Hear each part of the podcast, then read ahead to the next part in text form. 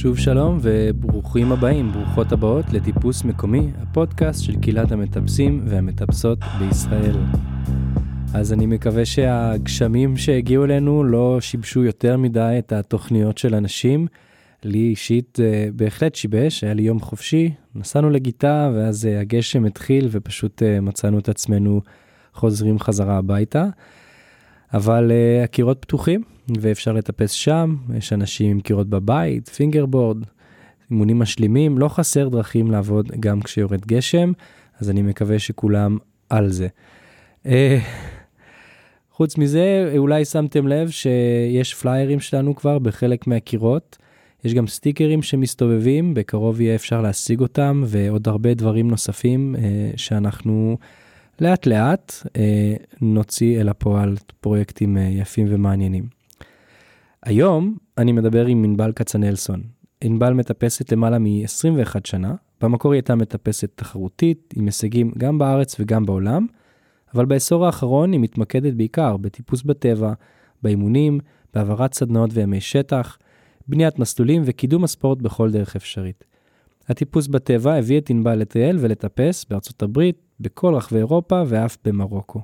במהלך השנים ענבל טיפסה בטבע עם מספר רב של פרטנרים, אבל בשנתיים האחרונות אפשר בעיקר לראות אותה מבלה במצוקים ובקירות הטיפוס עם שוקו, הבולדר קולי שלה. בנוסף, ענבל ביחד עם עוד שותפים הקימה את קיר הטיפוס טוטם והייתה הבונה הראשית בו. אנחנו נדבר עם ענבל על כל הדברים האלה ועל עוד, ואני מקווה שתהנו כרגיל. דבר אחרון לפני שנתחיל את הפרק זה שענבל אה, רצתה להוסיף את הספונסר שלה אמורפיקיור שמספק קפסולות של סידן אה, שהיא שכחה לציין בפרק אז זהו תהנו. אוקיי אז היי ענבל מה שלומך? היי אמיר הכל טוב איך אתה? מגניב זה בעצם כבר ניהלנו את השיחה הזאת זה תמיד משעשע הרגע הזה. אז כן, ענבל כצנלסון, מה... אפשר, אפשר לומר מהוותיקות כבר כאילו בענף בסופו של דבר? כאילו 21 שנה שאת מטפסת זה... אין המון אנשים שיכולים להגיד את זה בכלל, ובטח לא נשים שיכולות לומר את זה, שטיפסו כבר 21 שנה. בראש שלי את עוד 21 זה רק הגיל שלך, כאילו, אני לא יודע. זה בדרך כלל מה שקורה זה כשאנשים שומעים שאני מטפסת למעלה מ-20 שנה, אז הם אומרים לי, מה, אבל את בת 20? אז uh, התשובה שלי כזה, תשמעו, אני כבר בת 30, התחלתי את בגיל 9, וכולם פעורי פה ולא מאמינים שזה הגיל שלי, אבל uh, כן, זה 21 שנה, עוד מעט 22, במאי זה יהיה 22. במאי זה יהיה 22, אבל, וואו. אבל מי סופר, לא? אני לא יודע, זה באמת כבר לא סופרים בגיל, בטח רק צריכה לעצור לחשוב על זה רגע בשביל השאלון ששלחתי. כמה שנים זה? וואו. כן, אין ספק, אבל את בהחלט לא רואים את זה, אבל את בהחלט לא, את בהחלט נראית צעירה ורעננה עם אנרגיות, אז אה, לא ששלושים זה כבר. אני חוגג 40 מחר אגב, אז כן. נכון, לא רואים עליי? מזל טוב מוקדם, לא רואים עליך לגמרי, אתה גם נראה בן 20.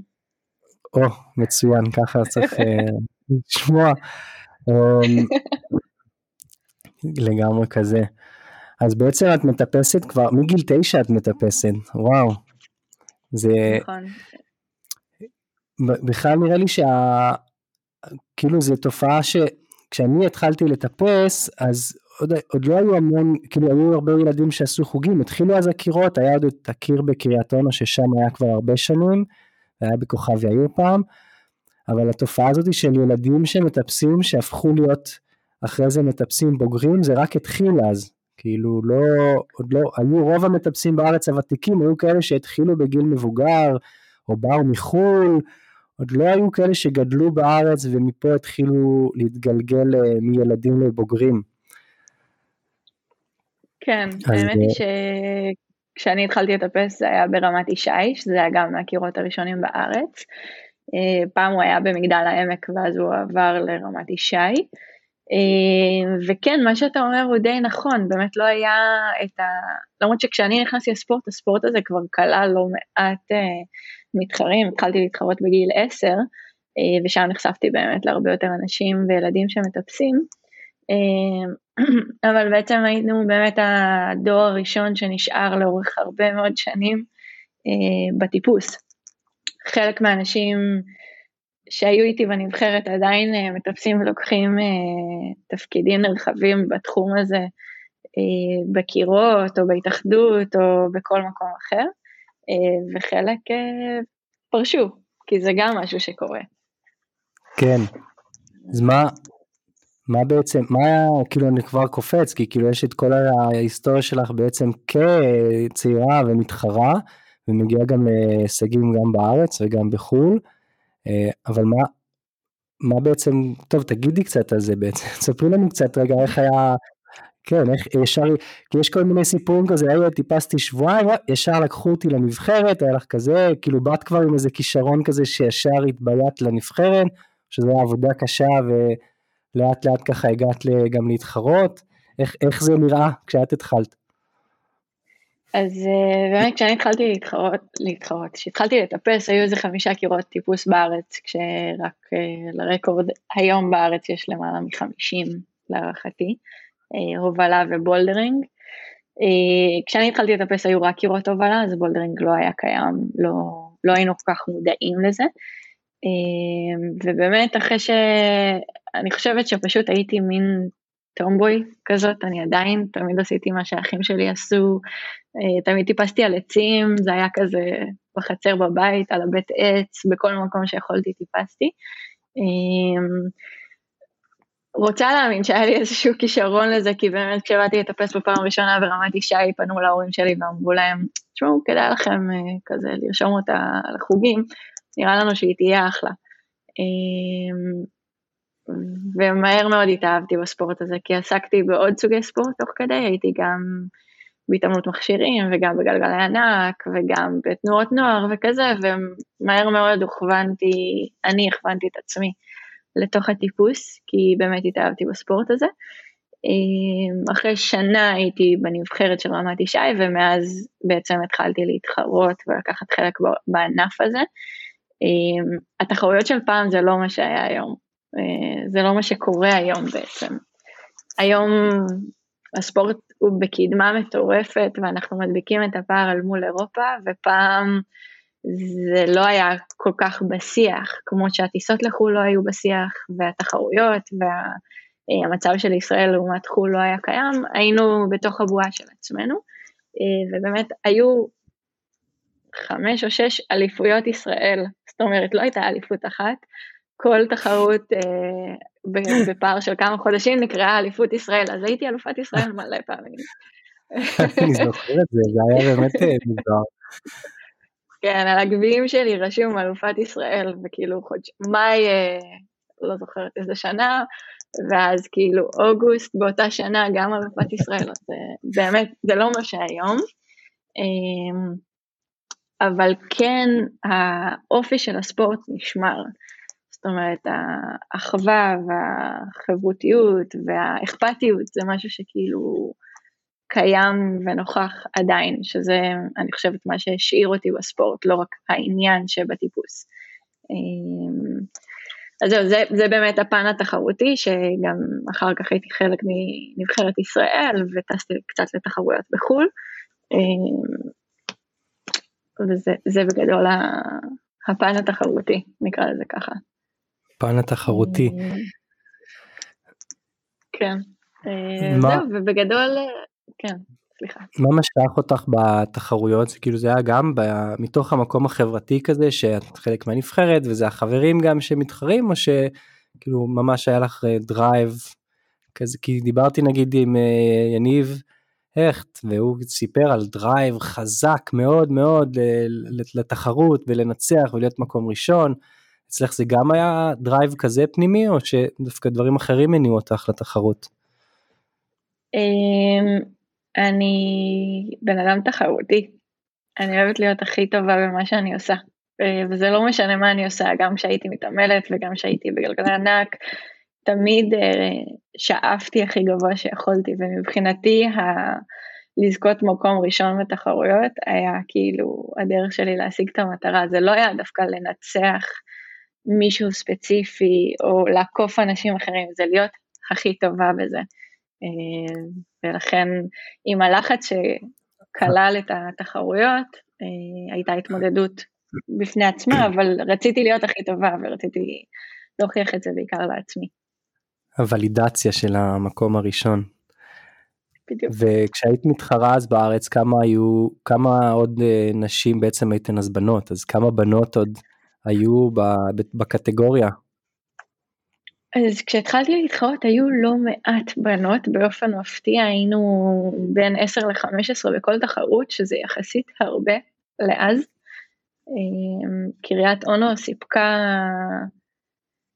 סיפקה לא מעט מתחרות, אה, וגם מרמת ישי, בעצם היינו לא מעט אה, בנות, ילדות שמתחרות, וככל שהשנים עברו לצערי זה הלך ודעך.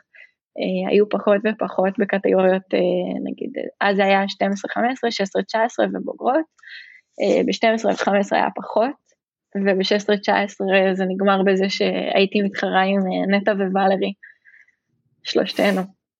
אז או בקטגוריה הבוגרת אפילו, גם עוד בקצת השנים האחרונות שהתחרתי זה באמת רק היה מול שתיהן, אה, ואותי באופן אישי זה קצת שעמם, ולכן הפסקתי להתחרות גם. כן, כי גם מי שכאילו היוצאת האחרונה עדיין מקבלת את המקום השלישי, זה קצת, המשמעות של זה אולי בדיוק. קצת אה, בורך. כן. בדיוק, כן. אם, אם אתה מחפש להיות הכי טוב, אתה מחפש להיות הכי טוב מבין הרבה אנשים, לא מבין עוד שתיים, אה, אני לפחות. וזה בעצם מה שגרם לך להחליט אה, לפרוש מהתחרויות? אמ, כן, אני חושבת שגם את, כאילו, הספורט אז, כמו שהתחלתי בתחילת הפודקאסט, הוא לא מה שהוא היום, אה, הוא לא בעצימות ובתשומת לב ובהתייחסות אה, היום, ובאמת זה שלא היו בנות ולא היה מול מי להתחרות, אותי בסוף קצת שיאמם, כי כמו שאתה אומר, גם אם אתה מגיע מקום שלישי, אתה על הפודיום, אז לא צריך הרבה בשביל לזכות מקום ראשון, שאני שלישי. ובערך באותו זמן, או קצת כמה שנים לפני, גם נחשפתי לטיפוס בטבע. אה, שבתור ילדת פלסטיק אמרתי לעצמי, כשהתחלתי לטפס בטבע, אמרתי, מה, למה אנשים אוהבים את זה? כאילו, מה... איפה האחיזות? איפה הצבעים? מה כאילו... מה, מה קורה? זה מפחיד, זה לא כיף. אה, וכאילו התעמקתי בזה יותר ונחשפתי ומשהו בזה בכל זאת כן משך אותי כי זה היה משהו חדש שיכולתי להתפתח בו. וזה בא ביחד, כאילו הפסקתי להתחרות ואז עברתי להתמקד יותר, הרבה יותר בטבע.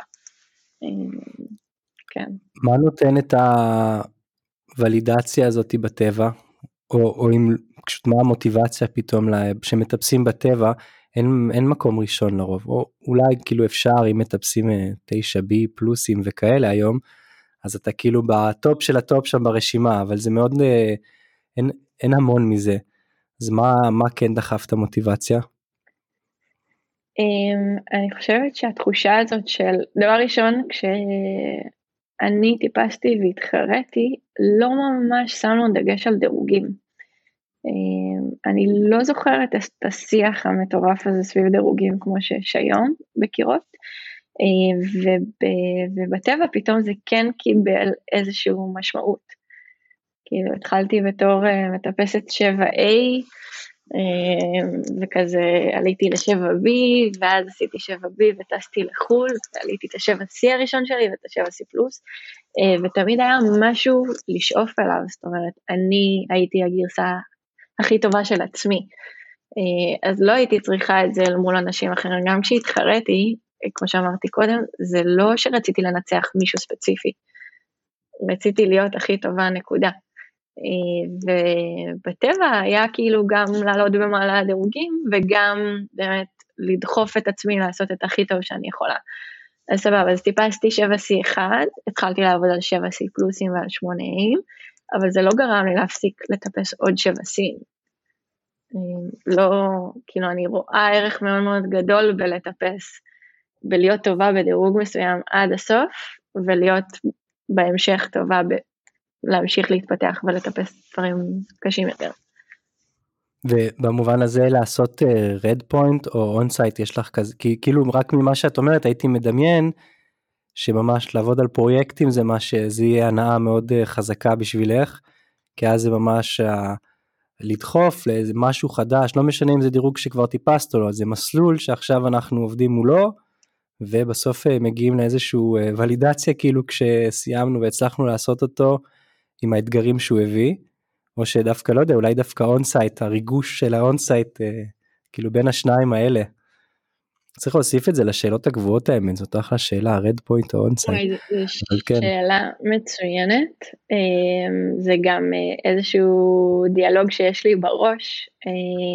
אונסייט אמ, בעיניי זאת אומנות. אם ב red point אתה עובד על כל צעד ואתה לומד ואתה מדייק אותו ואתה מוצא micro beta ומאיפה אתה מקליפ ולאיזה כיוון הגשר וכמה זמן אתה נח וכזה, באונסייט אין. הכל זה סימני שאלה.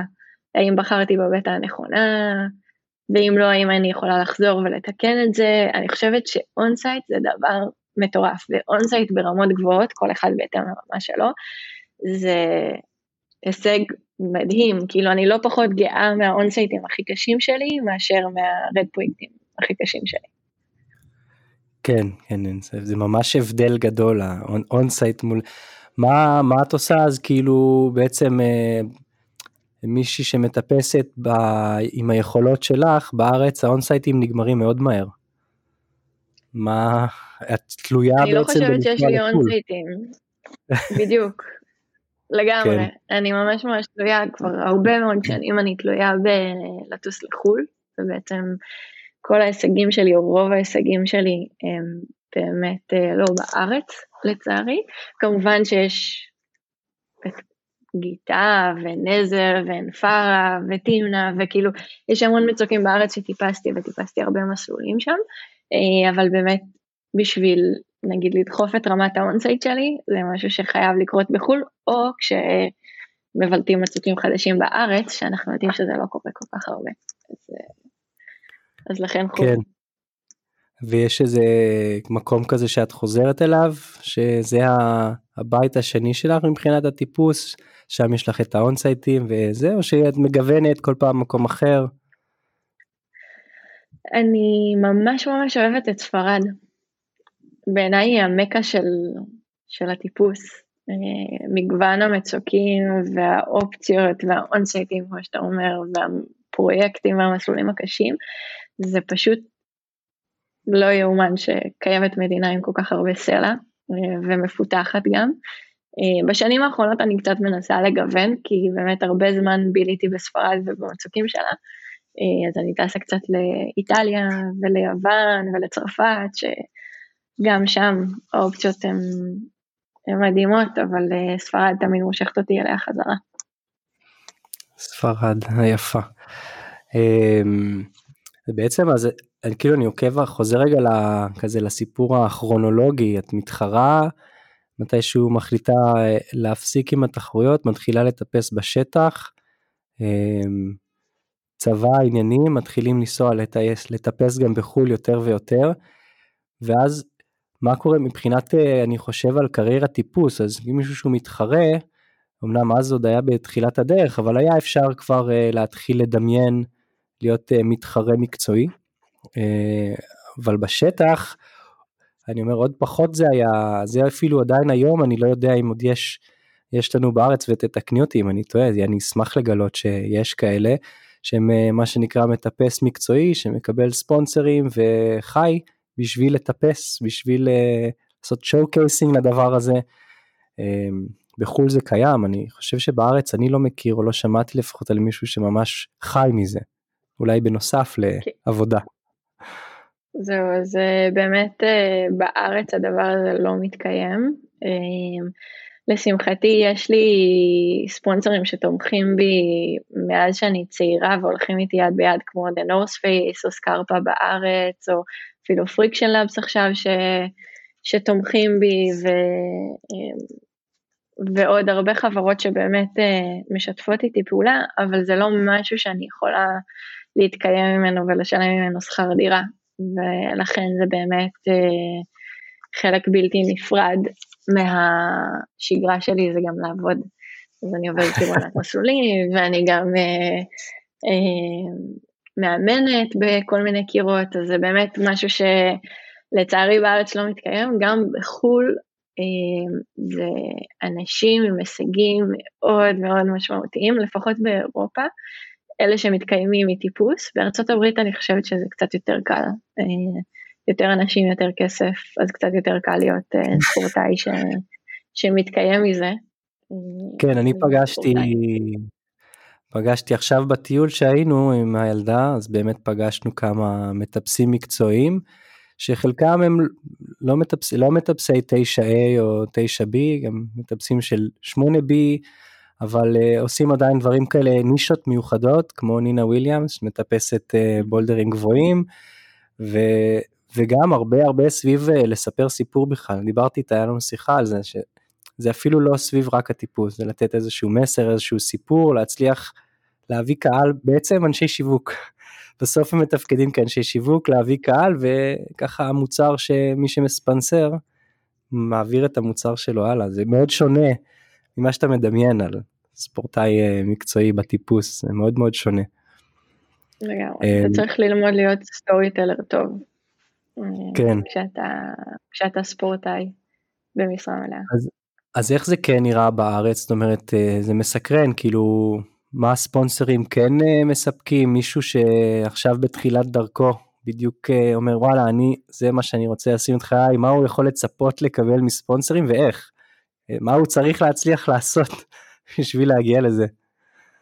אמ, אני חושבת שיש פער נורא גדול היום להיכנס לתחום הזה ולבקש או לצפות לקבל ספונסר שיפ. אה, כרגע מדובר על ציוד, אה, על עזרה בציוד בין אם זה ביגוד, נעלי טיפוס, ציוד הובלה, כאילו ריתמה, ראנרים, כל אחד וה, והתחום שהוא בוחר בו. אמ, בגלל שאנחנו ישראל ואנחנו קטנים, אנחנו לא, סליחה שאני אומרת את זה, אנחנו לא באמת מעניינים כרגע אף אחד. אה, לפחות לא את החברות הגדולות שנמצאות בחו"ל ויש להם ספורטאים כמו נינה וויליאמס, אלכס הונולד, טומי קולדואל, כאילו, אתה יודע, שמות ש... שלא צריך להגיד הרבה כשאומרים את השם שלהם ואתה יודע בדיוק על מי מדובר. אה, בארץ זה לא המצב, אני חושבת שהנינג'ה, אה, תרבות הנינג'ה קצת שינתה את זה, ובאמת נתנה מקום בקדמת הבמה לספורטאים. אה, הם היו צריכים לעבוד קשה בשביל שזה יקרה, אה, ולהשתתף בתחרות ספורט שהיא לא הספורט שלהם, אה, אבל זה הביא, זה, זה עשה משהו, זה שינה את האופי שבו מסתכלים על טיפוסים. כשאני התחלתי לטפס, הרימו עליי גבה ואמרו לי, מה נסגר איתך? אז היום זה כזה, אה, את מטפסת? וואו, כאילו, לכי לנינג'ה, ואני כזה, לא אותו דבר, זה כאילו... ראית את הסרט ההוא? של ההוא שמטפס בלי חבל, גם זה הקלאסי. המשפט שלי זה כזה, טיפסתי איתו בספרד, הוא גם היה בארץ, אז כאילו אנחנו מכירים, ואז אנשים בהלם שכאילו, אני מודעת לדבר הזה בכלל. אבל כן, עכשיו כאילו טיפוס שזור בנינג'ה, מצד אחד זה טוב כי באמת הספורטאים שניצחו את הנינג'ה עשו עבודה מאוד מאוד טובה והביאו את הטיפוס לקדמת הספורט אה, את הבמה, אבל אה, זה גם אה, הפך את זה לכאילו אותו סוג ספורט שבעצם זה שני עולמות שונים לחלוטין. כן, זה בהחלט הביא, מבחינת הענף זה בהחלט תרם, אבל גם מאוד משנה את הענף, אה, בסופו של דבר מביא אוכלוסייה שונה, מגוונת, אה, אבל גם מוריד את המחירים של דברים. שמתי לב איך היום אה, אנשים, יש לי... שבעה. משהו ששמתי לב באמת זה שהמחירים ירדו בקטע כזה ש... אנשים מגיעים אה, מאורגנים למצוק עם אה, ביגוד של חברות טיפוס ולא איזה בגד שהסבנו לטפס איתו פשוט, עם נעליים, נעלי approach, stick clip, ראנרים ככה מדוגמים, זה משהו שלא לא זכור לי שתמיד היה, ובהחלט אחד הדברים זה זה שהציוד פשוט נהיה הרבה יותר אה, זמין וזול, וגם נראה לי הנינג'ה בגלל שהוא הביא כל כך הרבה אנשים, ואנשים אנשים מרוויחים גם כנראה, אז uh, פתאום יש איזה שינוי נורא גדול בעניין הזה, הרבה יותר uh, ציוד שנגיש לנו. אין ספק, אה, להגיע למצוק היום ולראות מטפסים חדשים שנכנסים לתחום, שהם מאובזרים מכף רגל ועד ראש, זה, זה מדהים בעיניי, כי כאילו טיפסתי עם, לא יודעת מה, טרנינג של דלתא ו whatever שהיה, והיום אה, באמת חברות הטיפוס הם, הם הפכו להיות שם דבר, זאת אומרת, אם, אם אתה הולך למצוק או לקיר או לא משנה איפה אתה נמצא ואתה טוען שאתה מטפס, אז יש אה, קוד לבוש שבא עם זה. אה, כן. די מגניב. אני אוהבת את זה. זה מגניב, זה מגניב. אני גם מודה שאני, כאילו התחלתי אחרת לגמרי, אבל אני לאט לאט מוצא את עצמי מאמץ את הדרכים החדשות, מה שנקרא, ו... אני לא יודע, זה מסקרן לראות אם יש על זה מחקר, אבל אני שם לב שבאמת אם אני מגיע ככה מאובזר, זה לא שאני מטפס דירוג אחד יותר, כן? אבל משהו זורם, הרבה, הרבה יותר קל להיכנס לפלואו, משהו זורם בכל החוויה והאווירה מסביב. אמ, זה אולי לא משהו אמפירי וזה אולי לא כל פעם, אבל זה כן מורגש, אה, החוויה הזאת של להגיע מאובזר נכון, מדויק כזה. כמו כן, טקס. כן, אני חושבת שזה גם גורם, אה, לי, כאילו, אתה יודע, לאנשים אחרים להסתכל עליך וכזה, אה, יש לו ציוד טוב, כאילו, סבבה, אפשר, אה, אפשר, אפשר להתייחס אליו, כאילו, כי כן. עם, הספורט הזה יש גם אה, מאוד אליטיסטיות כזאת של, אני, אני בספורט הזה, אני יודע הכל, מי אתה. כן. אז אולי זה גם משפיע הפוך, כאילו, כשאתה מתלבש ככה, אז אתה מאמין בעצמך יותר. אתה מצפה מעצמך עכשיו להצליח יותר, אה, מסקרן. אפשר אה, לפתוח בשאילתה כזאת. כן, בדיוק, וואי, זה רעיון טוב, אנחנו, אנחנו נפתח שאילתה על העניין הזה. האם כשאתם אז יש לנו גם אונסייטים ורד פוינט וגם זה. נכון, לגמרי. אה, לגמרי ככה. כן, אז באמת הענף uh, עבר uh, שינוי מאוד גדול עם הנינג'ה, ו... ואת אומרת, uh, אפשר למצוא ספונסרים, אבל זה לא לצפות כאילו לציוד וכאלה, ולא ל... לא, עוד לא הגענו למצב הזה שעושים קריירה, ובטח הרוב זה גם נראה לי למטפסים הספורטיביים על פלסטיק ותחרויות, בשטח עוד, עוד בכלל. זאת אומרת, אין לנו אפילו מספיק מסלולים בדירוגים, בדירוגי קצה של היום. אין, אין, אין בעצם, אין לנו פה 6B פלוס, 9B פלוס, או 9C, אין כאן כזה, אז אין בכלל איך, אין בכלל איך להגיע לשם. גם 9BN, כן, אין כל כך, אין לנו איך להגיע לשם uh, פה בארץ, אולי בתקווה זה עוד משהו ש, שישתנה לנו. ואז כן, בשלב מסוים אבל, כן סליחה. אני רק אגיד משהו, שאני חושבת שאם uh, אפילו אם המטפסי פלסטיק יקבלו אה, חסויות שהם יכולים להתקיים מהם, אה, אז זה יעלה את המודעות כלפי ישראל, ואז יכול להיות שזה גם ייתן את המקום למטפסי טבע, גם אם לא מטפסים 9B או 9B פלוס, אה, אולי להתקיים מהספורט. כן, גם דיברתי עם אלכס שזכה לחשיפה מאוד גדולה בשנים האחרונות בעקבות הנינג'ה. אה, וגם אה, הוא אומר אם, אם כל מה ש, שהנינג'ה הביא מהבחינה הכלכלית זה עדיין לא שזה שזהו זה מממן לו הכל. הוא, הוא יכול להתאמן בצורה הרבה יותר אה, רצינית ומקצועית בזכות זה ולשלם על, על גם על פיזיותרפיה כמו שצריך וכל הדברים המסביב שבעצם אם אין לך את המשאבים אז פשוט לא קורה עושים את זה פשוט על הדרך אבל זה לא שהוא זהו, חופשי, חופשי ופנוי עכשיו אה, לגמרי ואין עליו שוב אחריות של מבוגר. כן, לגמרי. לצערי ייקח עוד קצת זמן עד שזה באמת יקרה. אני מקווה שזה יהיה בשנים הקרובות, שבאמת הספורטאים שעכשיו מייצגים אותנו יוכלו להתקיים בכבוד, אבל אה, אם להיות כנים זה כנראה ייקח קצת יותר מזה. כן, ואז אה, מתישהו בשלב הזה של החיים הבוגרים, שאת מטיילת, מטפסת, את מחליטה גם אה, לפתוח קיר טיפוס. את, נכון. את ועוד ארבעה בעצם. נכון. אז uh, אני חושבת שכל מי שנכנס לעולם הטיפוס, יש לו איזה חלום קטן כזה של לפתוח קיר טיפוס. בטוח. בטוח. זה משהו ש, שבאמת הלך איתי הרבה מאוד שנים. אה, ובתקופת הקורונה, שזו תקופה שקרקעה אותי לישראל, זאת אומרת בשנים שקדמו לה אה, הייתי יותר בחו"ל מאשר בארץ, בין השאר בשביל לדחוף את הגבולות שלי ובאמת אה, לטפס על מסלולים חדשים, מצוקים חדשים ולהכיר אנשים חדשים. הקורונה עשתה כזה, תישארי בארץ, לא, לא, לא הותירה לי ברירה. כן. ובאמת פנו אליי בהזדמנות מאוד מאוד טובה לפתוח קיר טיפוס. בהתחלה זה היה אמור להיות במיקום אחד, אני פחות חשבתי שזה רעיון טוב, ובסוף הוחלט על פרדס חנה, שזה באמת שם מוקם הטוטם. וזה היה רכבת הרים לפתוח קיר טיפוס.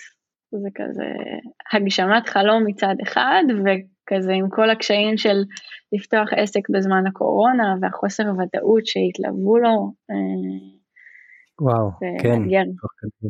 ספרי לי על הפער בין הפנטזיה של לפתוח קיר טיפוס לבין אה, כאילו איך זה נראה בפועל, במה באמת מתעסקים. כי כשאני בפנטזיה של לפתוח קיר טיפוס, כמו שאמרת, כמעט כל מי שבתחום יש לו, אולי זה מצטמצם כי כבר יש עוד ועוד קירות, אז זה כבר מתחיל להיות כזה מאיים.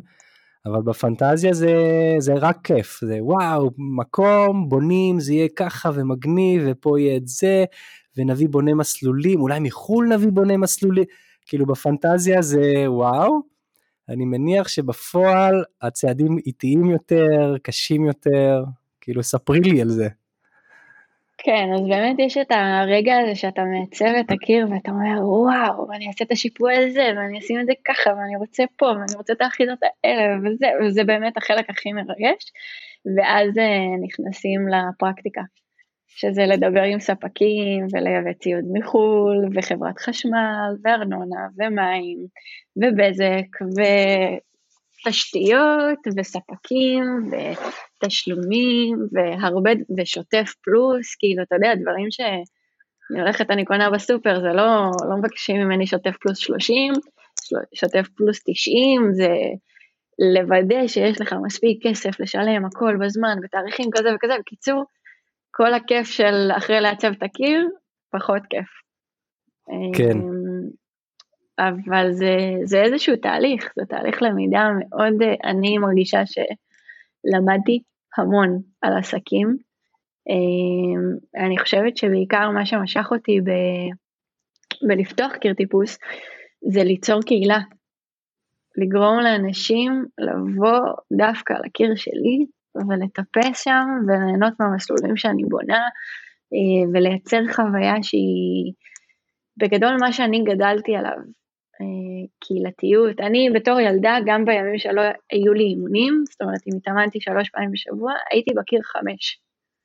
חמישה ימים בשבוע, רק רציתי להיות בקיר כי כל החברים שלי היו שם והיה לי הכי כיף להיות שם ותמיד עזרתי למדריכים ולמפעילים ובאמת אה, רציתי נורא ליצור מקום כזה, שהוא יהיה מקום שאנשים יבואו וישתו בירה או קפה שההורים יישארו ויחכו בעצם אה, לילדים שלהם שיסיימו את החוג וליצור משהו שהוא מעבר, אה, שזה בפני עצמו מרגש מאוד. ממש, זה ממש מרגש. זה, זה באמת אחד הדברים הכי כיף בקירות טיפוס, שהם מאוד מוכוונים, כי לפחות רובם, אני לא הייתי בכל אחד מהחמישים קירות, לא ספ... 50 באמת זה מדהים, אני לא ספרתי 50, אבל אה, כן, זה, זה באמת אחד הדברים הכי כיף גם בספורט ובקירות, זה ה... האוריינטציה הקהילתית שיש. ובאמת שבקירות אה, הרוב שנפתחו זה בולדר אבל וגם בקירות ההובלה אתה יכול לטפס ולידך מטפס מישהו שהוא ותיק בתחום מתחרה אולי אפילו ברמה אולימפית היום כבר יש לנו אולימפיאדה. אבל זה ממש כיף גדול זה לא זה לא אין לא בכל ענף תראה לידך את, ה, את האלה שהתחילו השבוע ואלה שכבר ה top של ה top זה, זה כיף גדול. ממש אה, ככה. כן. אני גם חושבת שזה נותן מקום באמת לאנשים, כאילו, לראות שכולנו באותה סירה. כן. זה לא משנה אם אתה מטפס הכי טוב או רק התחלת לפני שבוע. כן. זה, זה קשה עכשיו בענף, היית אומרת שעכשיו זה יותר קשה דווקא או יותר אה, קל, רגע עם הכובע של האשת עסקים מה שנקרא. יותר קשה, יותר קל לפתוח עכשיו קיר טיפוס, כי מצד אחד יש אה, באמת אה, הרבה גדילה בענף ומצד שני גם נפתחים המון קירות אז התחרות נהיית הרבה יותר אה, אמיתית ומורגשת. אם זה פרדס חנה אז נגיד יש גם קיר נפתח פחות או יותר אה, שנה אולי לפני זה בחדרה שנפתח. אני עוד לא יודע על עוד קיר באזור אבל יש כאילו כן, כל הזמן עוד... כן, יש באור עקיבא, קיר שנקרא גם. אני אגיד לך משהו, אני חושבת שאם הנינג'ה לא היה קיים, אז חד משמעית היו יותר מדי קירות טיפוס בארץ במצב הנוכחי. אני חושבת שבגלל שזה בתודעה של כולם, הספורט הזה, אנחנו עדיין לא בפיצוץ אוכלוסין של הקירות טיפוס, אבל אנחנו בדרך לשם. באמת כמויות הקירות טיפוס שנפתחים היום ועתידים להיפתח, אה, זה הרבה. אני לא יודעת להגיד אם זה יבוא על חשבון, כאילו הקירות החדשים שנפתחים יבואו על חשבון אחרים שאולי ייסגרו, אני מאחלת שלא, אה, כי אני חושבת שיש מספיק מקום לכולם, אבל הייתה פה שאלה, גם כשפתחנו בפרדס חנה, אבל אמרנו אנחנו מתבססים על האנשים שהם גרים בפרדס חנה או קרוב לפרדס חנה, בנימינה או הקיבוצים שמסביב, אה, ולשם כיוונו בעצם. כמובן שרצינו שגם יגיעו אנשים מרחוק יותר, מחיפה או מתל אביב או אה, מכל קצוות הארץ, אבל ברור שהקהילה שאתה מתבסס עליה היא מה שסובבת את הקיר. אה, ואם כן. אתה פותח במקום שעדיין מאפשר את זה, גם, אתה יודע, גם בתל אביב שיש שלושה קירות, ארבעה קירות טיפוס ממש קרובים אחד לשני, יש לא מעט אנשים בתל אביב שמטפסים כבר. אה, כל הקירות האלה מלאים. כאילו כשאני הייתי שם כל אחד מהם היה מלא.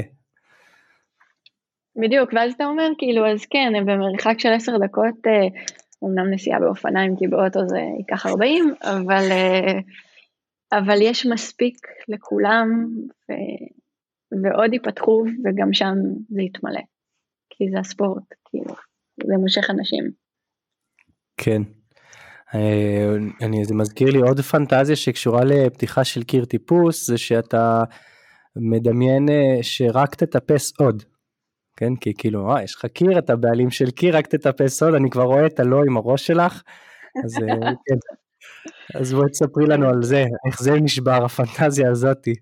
גם פתאום לנסוע לחו"ל זה הופך להיות, אה, בטח בקיר שרק מתחיל, זה פתאום, אה, וואו, רגע, מי, מה, מה קורה, איך עושים את זה עכשיו, לנסוע פתאום לחודש, לטייל, לטפס?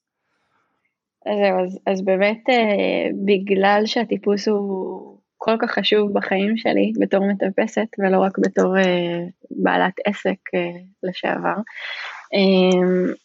הצבתי עובדה בשטח כשפתחנו את הקיר, אמרתי אני באוקטובר טסה לחודש, להתראות, כאילו קניתי כרטיס, ככה. אה, כי ידעתי שאחרת יהיה לי מאוד מאוד מאוד קשה לעזוב. אה, ובאמת בשלוש שנים האלה שמהרגע של הרצון לפתוח את הקיר ועד שהוא נפתח בתקופת הקורונה וההרצה שלו והפעילות השוטפת, אה, טיפסתי הרבה פחות. גם כשניהלתי קירות גם בארץ וגם בחו"ל, כשאתה בתוך הקיר כל הזמן, והעובדים באים אליך בכל שאלה ובכל צרה והתמודדות וזה, המקום של הטיפוס דועך.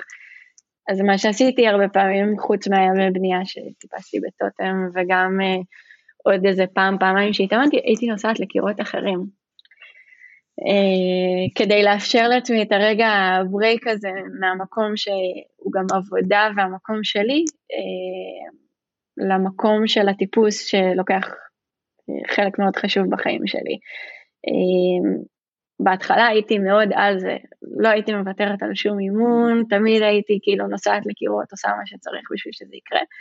אה, ולאט לאט האורח חיים הזה הפך להיות קשה יותר. אז היה לי יותר אימונים בקיר, כשהקיר היה סגור, כדי לוודא שאני מספיקה לעשות את מה שאני רוצה, אבל, אבל זה באמת הפך את המשימה ליותר קשה. כן. בעלים של קיר או עובד בתחום הזה, אתה מטפס קצת פחות ממה שאתה באמת רוצה. נראה לי זה דבר שחשוב להגיד אותו כי באמת אה, הפנטזיה של רובנו ובטוח של החבר'ה הצעירים יותר זה, זה שכאילו אם הם יעבדו בענף הם גם יטפסו יותר. לא שזה לא נכון אבל זה הרבה פעמים לא מתחיל ככה בוא נגיד את זה ככה. אה, גם כשאתה עובד באיזשהו מקום אז כמו שאמרת אתה בא לטפס שם פתאום מתחילים לשאול אותך שאלות ורגע שנייה פה וכאן האחיזה רגע היא מסתובבת אז שנייה אני אסדר את זה כי יש לי אחריות ופתאום האימון שלך במקום שלוש דקות הפסקה עשית 20 דקות הפסקה ולא בדיוק מה שתוכנן. אמרת אה, שלוש שנים, אז שלוש שנים, אני רק רוצה כזה להבין, שלוש שנים מהרגע שחשבתם עד הרגע שממש כאילו התחילה הפעילות, או שלוש שנים, כי את בסוף מכרת את החלק שלך בקיר, אז זה השלוש שנים בעצם? Okay. כן, זה השלוש שנים, זה בעצם הטווח של מהרגע שדיברנו על אה, להקים את הקיר ולתכנן אותו ולהוציא את זה לפועל, ועד שבאמת אה, עשי, כאילו, מכרתי את החלק שלי. כמה זמן לקח הזמן באמת מהחלטת, התגבשתם לאוקיי עושים את זה, באמת לפתוח אותו, כמה זמן זה לוקח? אמ, אני חושבת שבמקרה שלנו זה היה יחסית מהיר, אני לא יודעת איך זה אצל אחרים, אבל אני חושבת שהתחלנו לדבר על זה באזור פברואר-מרץ, אה, ובאוקטובר התחלנו לבנות את הקיר.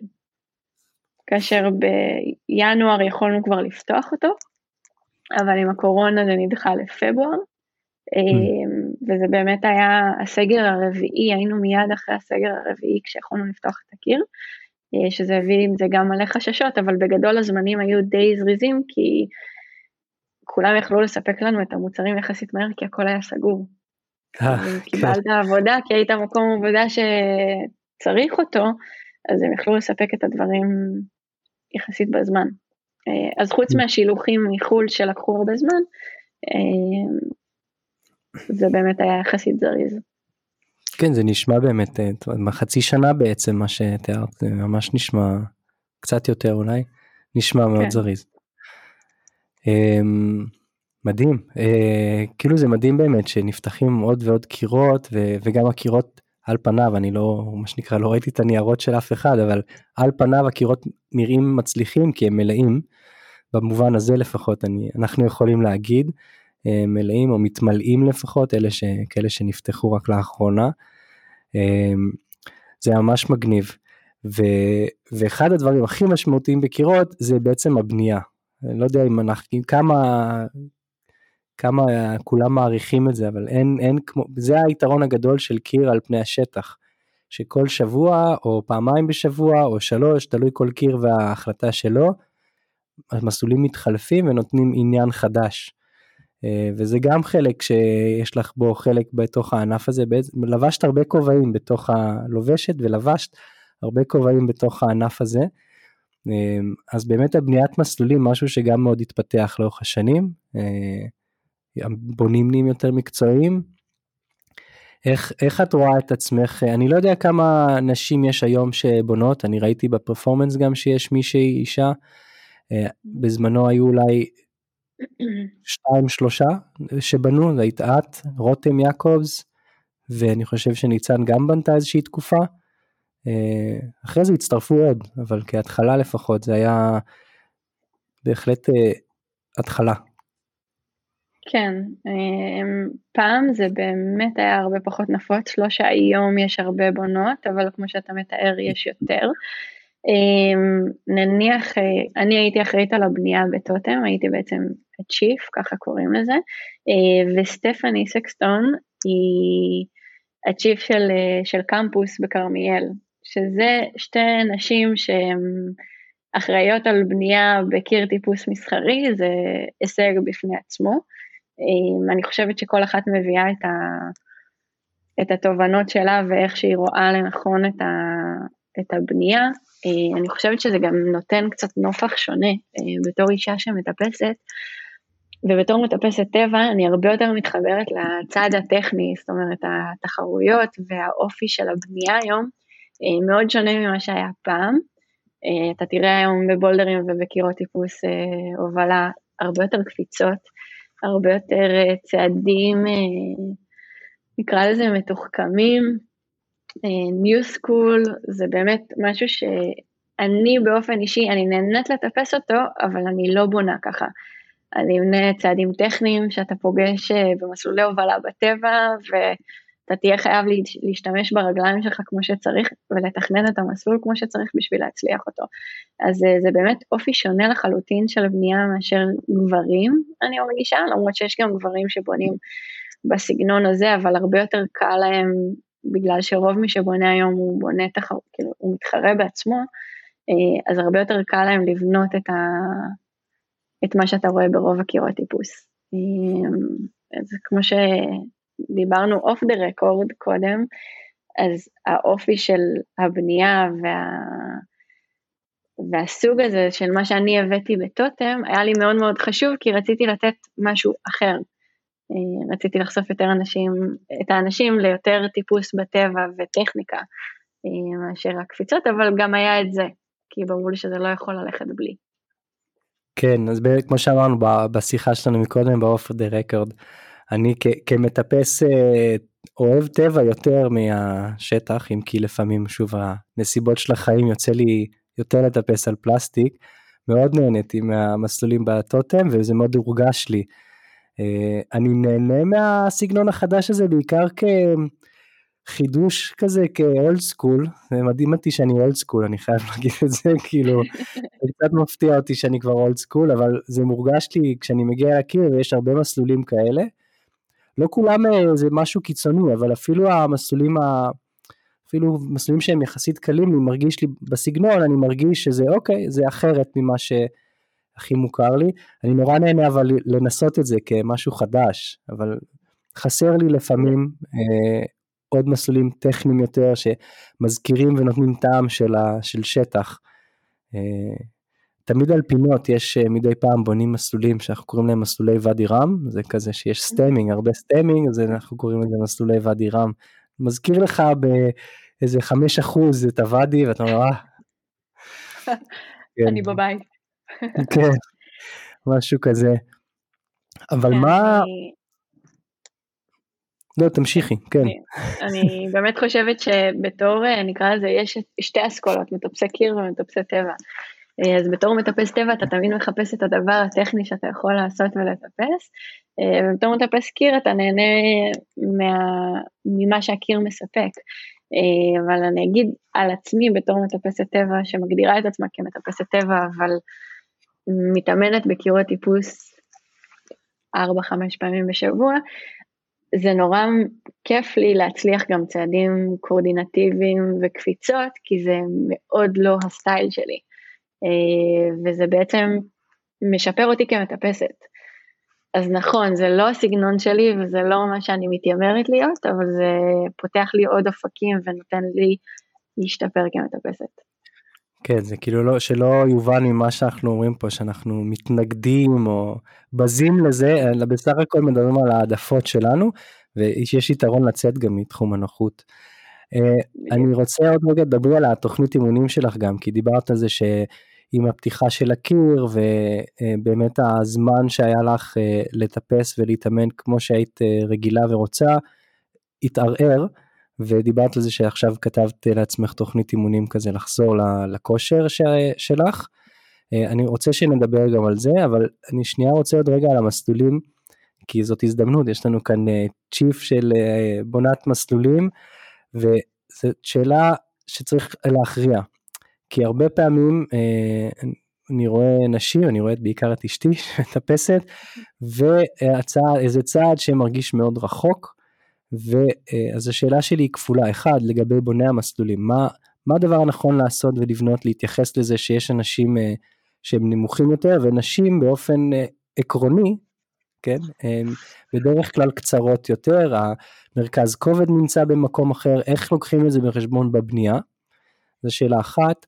והשאלה השנייה זה, האם זה מיתוס? כלומר, אה, כזה משהו, מין מסר כזה לנשים שמטפסות, האם זה מיתוס או שזה דבר אמיתי? כאילו, האם זה סיבה לגנוב אחיזה ממסלול אחר, או זה סיבה להגיד, אוקיי, יש כאן משהו טכני שאפשר להתאמן עליו, וככה נעשה עכשיו.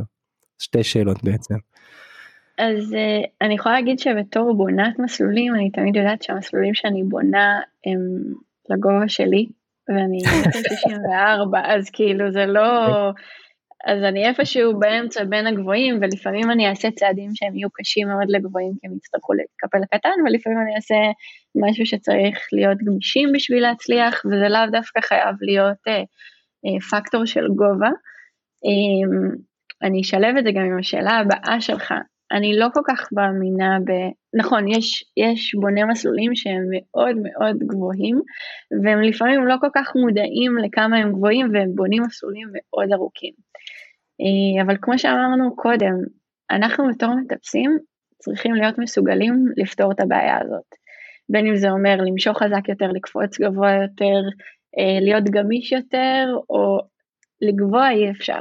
זה לא, אין. קיבלנו את הנתונים שלנו ו, ועם זה אנחנו יכולים uh, להתמודד. Uh, אני,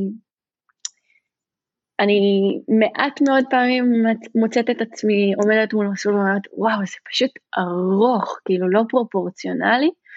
Uh, ובשאר הפעמים אני אומרת אוקיי זה צעד מאוד ארוך, בוא נראה איך אני יכולה לפתור אותו.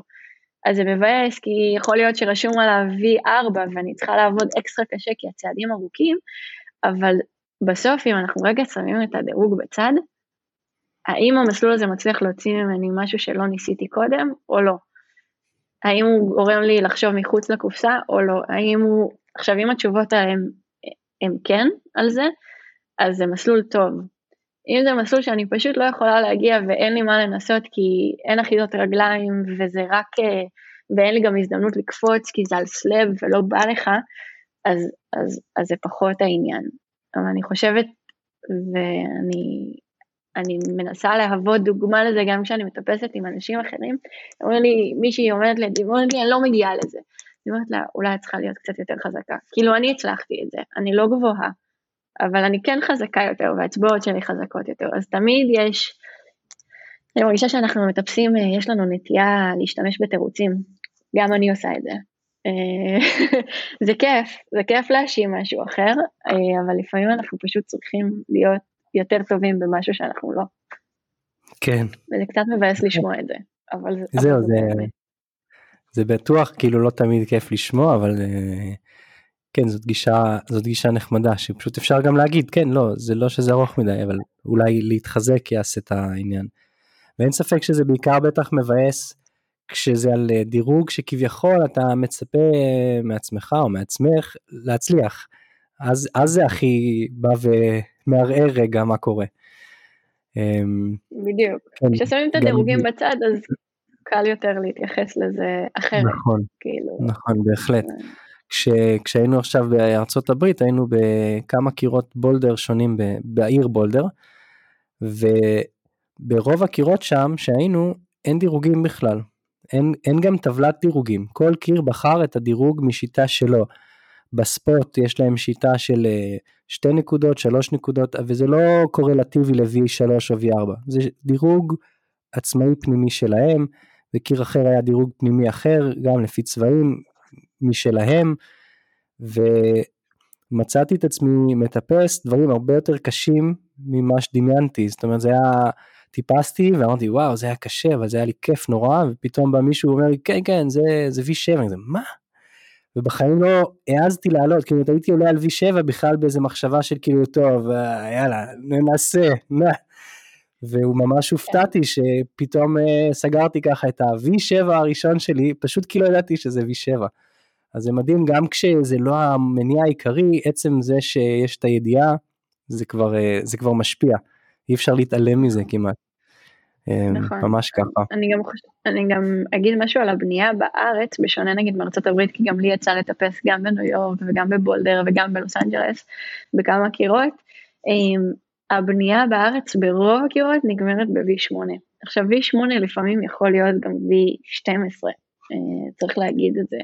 V8 של ישראל זה לא V8 של ארצות הברית, וגם אני כשנכנסתי לקליף בניו יורק וטיפסתי V8 ו-V9, ככה טיפסתי, והיה רשום על זה V8 ו-V9, אני כזה, זה V5 V6 בארץ, מה זאת אומרת, זה לא כאילו, זה לא V8 ו-V9, ואז יצאתי לטבע והצלחתי לטפס גם את הדירוגים האלה שם. אז יש איזה פער גדול, אני חושבת שעכשיו בארץ אה, יש איזה שינוי קל שנעשה לכיוון הדירוגים הקשים, לרווח את זה בין, כאילו, עד V6 זה סבבה, ואז V7 זה כזה קצת בלתי אפשרי, ו-V8 זה בכלל בלתי אפשרי, זה לפחות uh, בכמה קירות. Uh, אז היום אתה תראה מנעד גדול יותר של דירוגים, אבל באמת יש פער מאוד מאוד גדול בין מה שאנחנו מקבלים בארץ לבין מה שקורה בחו"ל. Yeah, איך, אני, איך אני שמח שאמרת את זה, זה משהו שהרגשתי אבל לא הרשיתי לעצמי, כאילו, כמו שאמרת, אני מקבל את, ה, את מה שהבונים עושים, זה חלק מהפילוסופיה שלי כדי מה שנקרא ליהנות בטיפוס ולא לריב כל הזמן, אה זה לא זה, זה לא זה. אבל אני שמח שאמרת את זה, כי זה מאוד מורגש לי לפעמים הקפיצות בין דירוגים, זה פתאום לפעמים קפיצות שקשה להבין, ואז מסלול אחר עם אותו דירוג הוא לגמרי לא אותו דבר. אז זה נחמד אה, לשמוע את זה ממישהי מנוסה ממני, ש, שזה מורגש לפעמים בקירות. ואני מניח שזה קשור כאילו לאבונים, לניסיון אה, של הבונים, שבעצם יש איזה פער כזה בין הרצון של הקירות לבנות את המסלולים הכי טובים, ומצד שני, אה, לרוב הבונים הם חבר'ה צעירים יותר, לפחות בקירות ביום יום, פשוט אי אפשר לשלם לבן אדם בן 30 משכורת מלאה. אה, בשביל לבנות זה קשה כי מישהו בן 30 צריך משכורת יותר טובה ממישהו בן 20 אה, אני מניח שזה השיקול ומישהו בן 20 אין מה לעשות לא יהיה עם אותו ניסיון כמו מישהו בן 30 במגוון של הדברים שהם טיפסו ובמורכבות שהם יכולים להבין את הטיפוס פשוט בגלל העניין של הניסיון. כן אני לא חושבת שהייתי הולכת על פקטור של גיל כי היום רוב הבונים זה גם חבר'ה שהתחילו לטפס בגיל מאוד מאוד צעיר, אז יש להם באמת הרבה ניסיון. הייתי הולכת באמת יותר על הניסיון, אבל שוב, יש באמת את הפער הזה בין מטפסים תחרותיים, שתבנה צעד דינמי ויהיה להם צ'יפס, אה, לבין כאלה כמוני, שאני אנסה את אותו צעד ואני אגיד, אה, זה כל כך קשה. אה, אז, כן. אז גם בתוך דירוג מסוים יכול להיות משהו שלי יהיה מאוד מאוד קל ואני אגיד, אה, זה יכול להיות פחות. אבל יבוא מישהו אחר ויעלה את זה ויגיד כאילו, איך אני תופס את האחיזה הזאת ונשאר עם הרגליים על הקיר. אז זה לא רק המדרג של עד V8, שזה באמת אה, בארץ אה, מין מחסום כזה, זה גם בתוך הדירוג, כמו שאתה אומר, אתה מרגיש את הפער הזה. אה, אתה יכול באותו כן. דירוג לטפס משהו שיהיה לך נורא קל, ולטפס באותו דירוג משהו שיהיה לך מאוד מאוד קשה. כן. בסוף צריך לחזור ל... סליחה. כן. אני אומר, אני חושב שהגיל משפיע בעיקר במובן של המגוון של הניסיון, כי זה נכון, יש חבר'ה שמטפסים מגיל צעיר תחרותי, אבל אז המגוון שלהם הוא יחסית צר. אה, הוא בקירות בארץ ובתחרויות בחו"ל, מדי פעם אולי קירות בחו"ל, מדי פעם אולי גם הולכים לשטח, אבל להבדיל ממישהו בן 30 שהוא יכול כבר להיות מאוד מגוון, כי הוא, כי הוא התחרה בעבר וטייל כבר הרבה מקומות שונים בעולם וטיפס, טיפס אה, בסדקים וטיפס על גרנית וטיפס על אבן חול. יש משהו שאני מזהה בבניות של אנשים שיש להם מגוון מאוד רחב בטיפוס, שזה מורגש. אה, בולדר המכה בעצם של אה, טיפוס כמעט, אני זוכר שבקירות הופתענו כל כך מהמגוון הרחב שהיה בתוך הקיר של הסגנונות בטיפוס. כי הבונים שם הם אנשים ש... באמת, הם גם חבר'ה יחסית צעירים, כי זה עניין כלכלי כנראה של קירות, אבל הם חבר'ה צעירים שגרים בבולדר וכבר חוו המון המון סגנונות שונים, חלק מטפסים גם קרח, וזה מורגש בסוף כשעולים על הקיר. ושוב, זה, אני לא אומר את זה בביקורת על הקירות, אני חושב שקירות מאוד, מאוד מבינים שזה אחד הנכסים הכי חשובים שלהם, והם עושים מה שהם יכולים בשביל שיהיה מסלולים אה, שונים ומגוונים. יותר לדבר על זה, זה יותר מדבר על זה שאנחנו מדינה קטנה עם מגוון קטן. נכון. לא, אין ספק, ברגע שאתה מדבר על גיל שה... אה, כאילו, אם אני בת 30 והתחלתי לטפס בגיל 9 ויש מישהו בן 20 שהתחיל לטפס בגיל 9, אז ברור שהניסיון שיש לי הוא הרבה יותר נרחב. אה, באמת במקרה שלי גם יצאתי מתחום התחרות והאינדור לאאוטדור, אז זה באמת חשף אותי ל... מגוון גדול יותר של סגנונות אה, ואופי טיפוס שאני מביאה איתי לבניות. אז זה אני מסכימה. אמ, יש לנו שני נושאים שרציתי שניגע בהם, אחד זה החזרה שלך לכושר, התוכנית אימונים, קצת איך היא נראית, ככה נרוויח מזה אולי אה, טיפים ורעיונות. הדבר השני זה גם אבל אה, שיש לך עוד כובע, שזה גם מאמנת, אני מסתכל על הזמן, אנחנו כבר מדברים 57 אה, דקות, אז אנחנו נספיק לגעת רק באחד מהם. אני אתן לך להגיד מה, מה יותר מעניין אותך ככה, ששנייה נשמע עליו, ואז נעשה רגע שאלות כזה קצרות ו, ונסיים. כן. אז אני, אז אני אנסה כזה אפילו לענות על שניהם אה, במקביל כדי להרוויח אה, את שני הנושאים האלה. באמת החזרה שלי, אה, נדבר על האימונים, אה, הידע והניסיון שיש לי שצברתי לאורך הרבה שנים בתור אה, מטפסת אה, תחרותית ומתאמנת בנבחרת ישראל ובשלל נבחרות. אה, והקורסים שעשיתי והידע שצברתי וקראתי הביא אותי בעצם להיות מסוגלת אה, אה, לכתוב לעצמי תוכניות אימונים. אה, הפן הבאמת קשה שאני מוצאת ב- בלכתוב לעצמי תוכנית אימונים זה המוטיבציה של להביא איתה כשהיא היום הנבחרות מקבלות פחות אה, מקום וזה יותר מתאמנים אישיים, אני לא יודעת אם שמת לב לזה, יש כאילו יותר קבוצות של מאמנים אישיים עם קבוצות פרטיות שלהם, ואני בתור מישהי שנמצאת בתחום הרבה שנים ובאמת הייתי חלק מנבחרות, פתאום מצאתי את עצמי, מאמנת את עצמי לבד. אה, אז תמיד הייתי מצרפת אליי איזה מישהו או מישהי וקובעת להתאמן וכזה רק בשביל שזה יותר כיף לעשות את זה ביחד. אה, תמיד. אז, אז כן, זה משהו זה שגם היום... אה, לבד. נכון, אז גם היום אני ככה עכשיו שאני חוזרת לשגרת טיפוס ולהכניס לעצמי קצת מוטיבציה, אז, אז זה למצוא את האנשים הנכונים לעשות את זה איתם, וזה לא חייב להיות בן אדם אחד, זה יכול להיות כל יום מישהו אחר, אה, אז זה גם, זה ברמה של התוכניות אימונים וההוצאה שלהם לפועל, אה, ובתור מאמנת, אני, כמו שאני אוהבת לבנות מסלולים, אני אוהבת לאמן, אני אוהבת להעביר את הידע שלי אה, והניסיון למתאמנים, בין אם זה ספורטאים תחרותיים או בין אם זה אנשים שהתחילו לטפס רק אתמול, זה כלי מדהים בעיניי, אה, היכולת להעביר את זה הלאה. זה, זה אני לגמרי מרגיש שצריך להרחיב ובסוף נצטרך למצוא את הזמן אה, לדבר על זה עוד בין אם זה בינינו או שנעשה מזה גם הקלטה אותי זה נורא מעניין תמיד.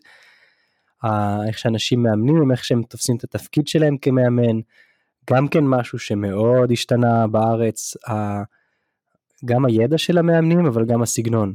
הסגנון של המאמנים מאוד מאוד השתנה אה, בארץ ולטובה, אני חייב להגיד שזה לטובה.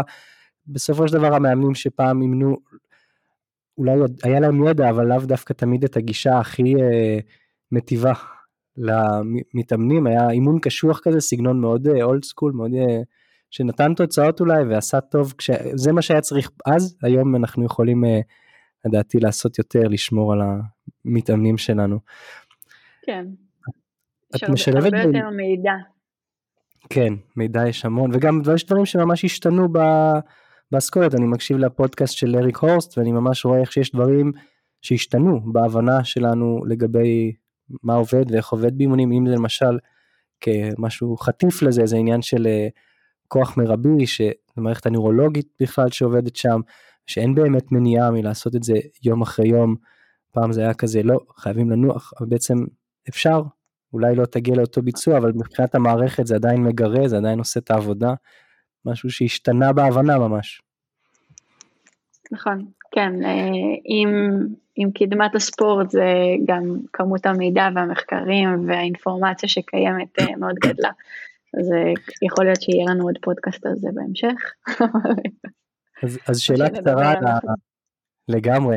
שאלה קצרה על האימונים שלך, אותי זה גם מסקרן, אם יש, אה, אני מחפש חבר'ה בארץ שמשלבים גם אה, כל מיני טכניקות נשימה שקיימות היום בתחום של הספורט, בין אם זה היפרוונטילציה, שזה כיוון אחד של זה, אימון בהיפרוונטילציה, או אימון אה, בעצם בעצירת נשימה, או נשימה רק מהאף. אה, שגם כן יש איזה בחור בשם מקנזי שמוביל את הדבר הזה בעולם. סתם אני תמיד אני סקרן אם זה הגיע כבר אלינו. האמת היא שממה שאני יודעת לא. אה, אני כן מכירה בחשיבות של נשימה בזמן הטיפוס כי כולנו יודעים לעצור את הנשימה כשיש צעד קשה אבל לדעת לשחרר את זה זה, זה פקטור מאוד מאוד חשוב. אה, אני לא חושבת שיש מישהו בארץ שעושה אימונים כאלה, תקנו אותי אם אני טועה.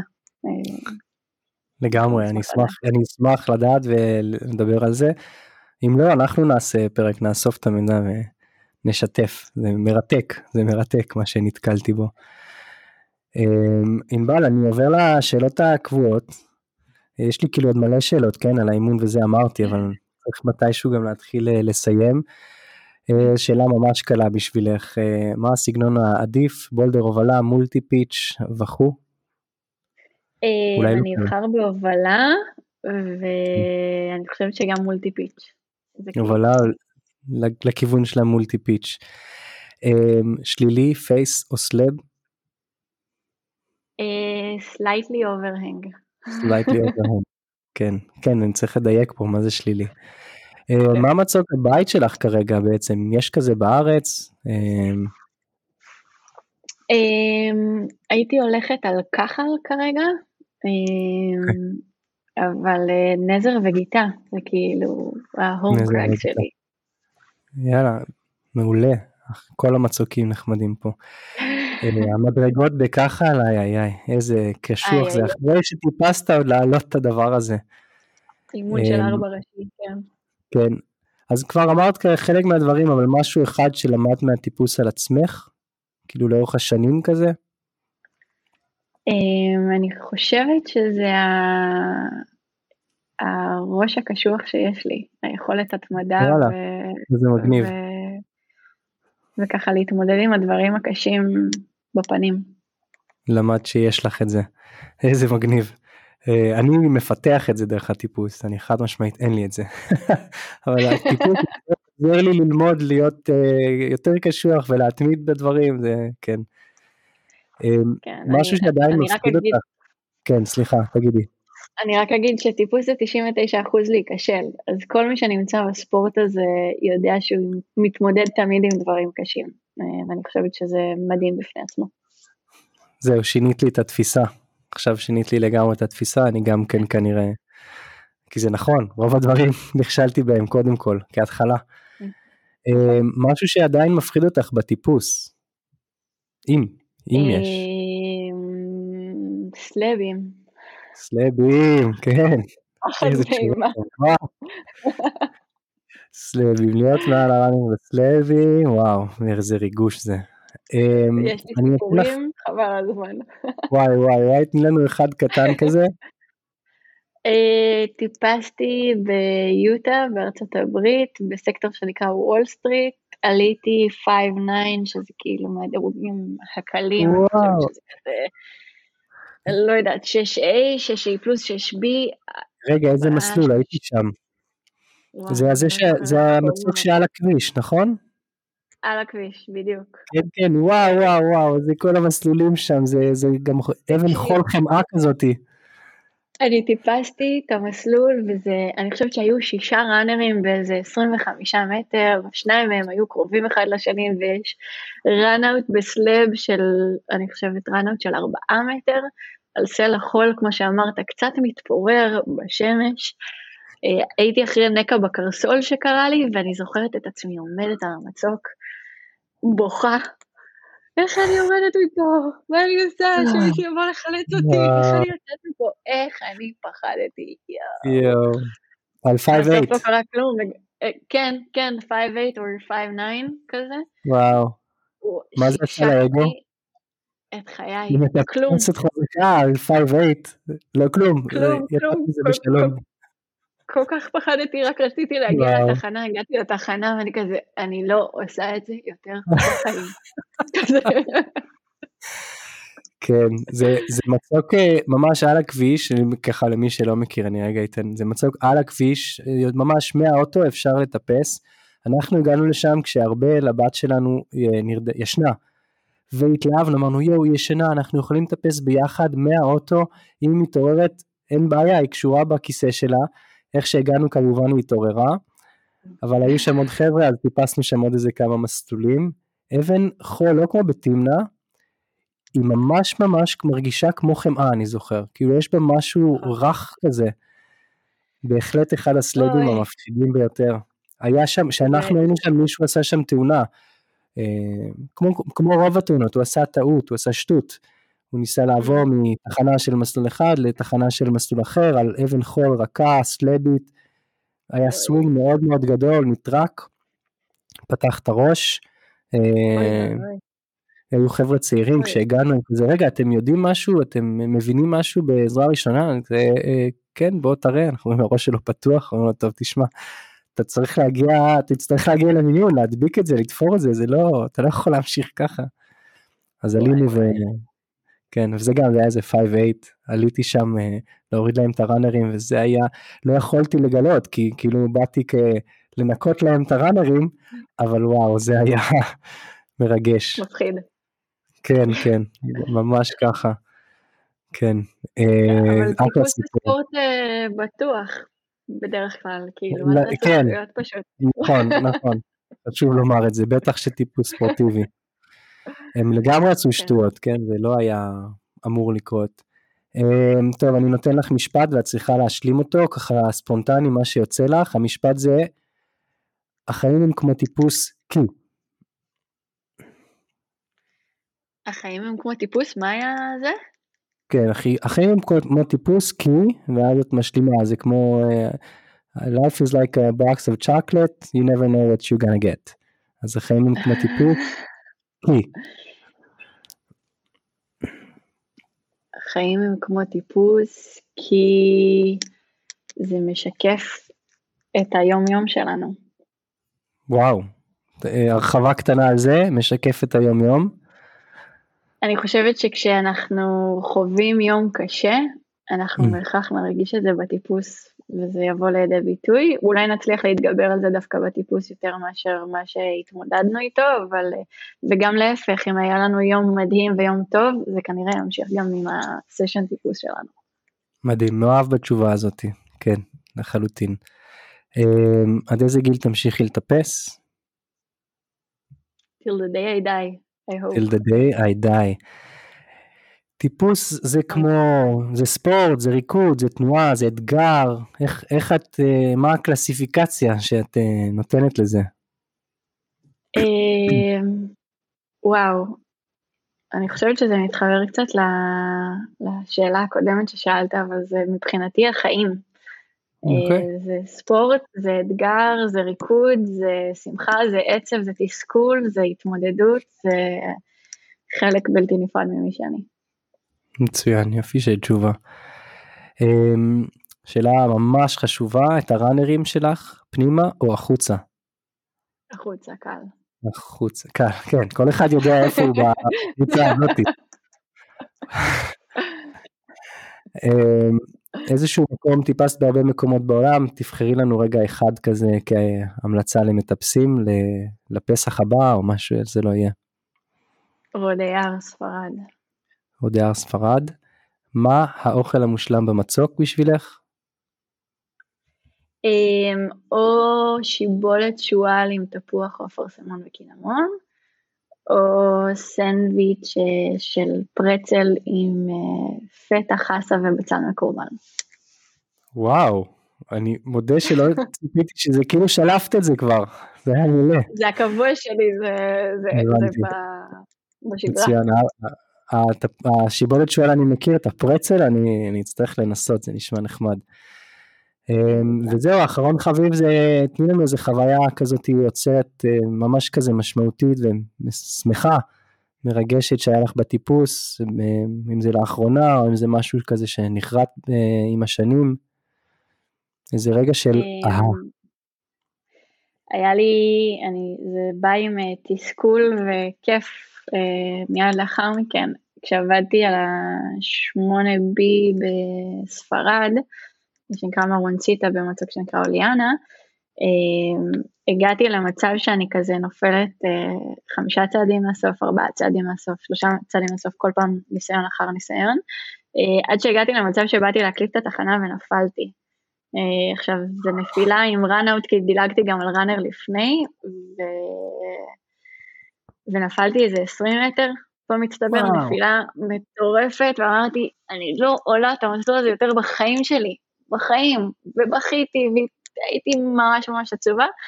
אה, ואז לקחתי יומיים הפסקה ואמרתי, אני לא יכולה, כאילו די, אני יכולה לחבר אותו, זה לא יכול להיות.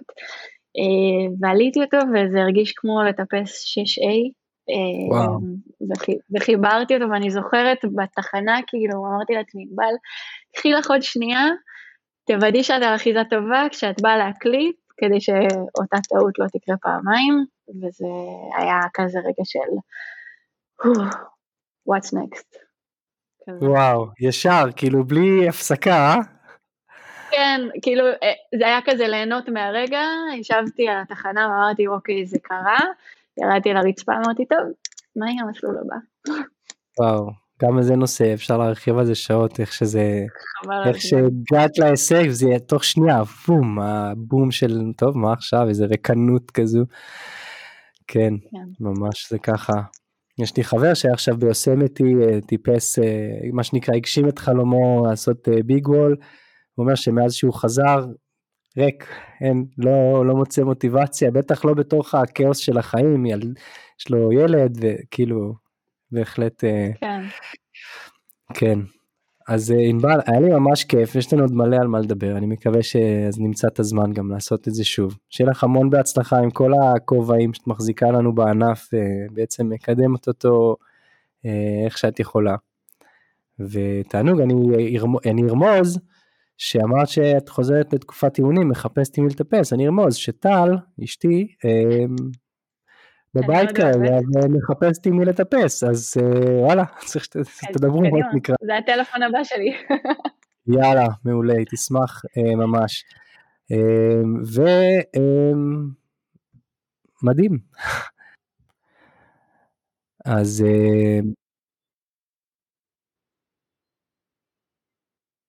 זהו, זאת הייתה השיחה אה, עם ענבל, אה, מקווה שנהנתם. אתם אה, כרגיל מוזמנים לבדוק אותנו בפייסבוק, באינסטגרם, אפילו עכשיו אנחנו כבר גם בטיק טוק, ולתמוך בפרויקט של הפודקאסט.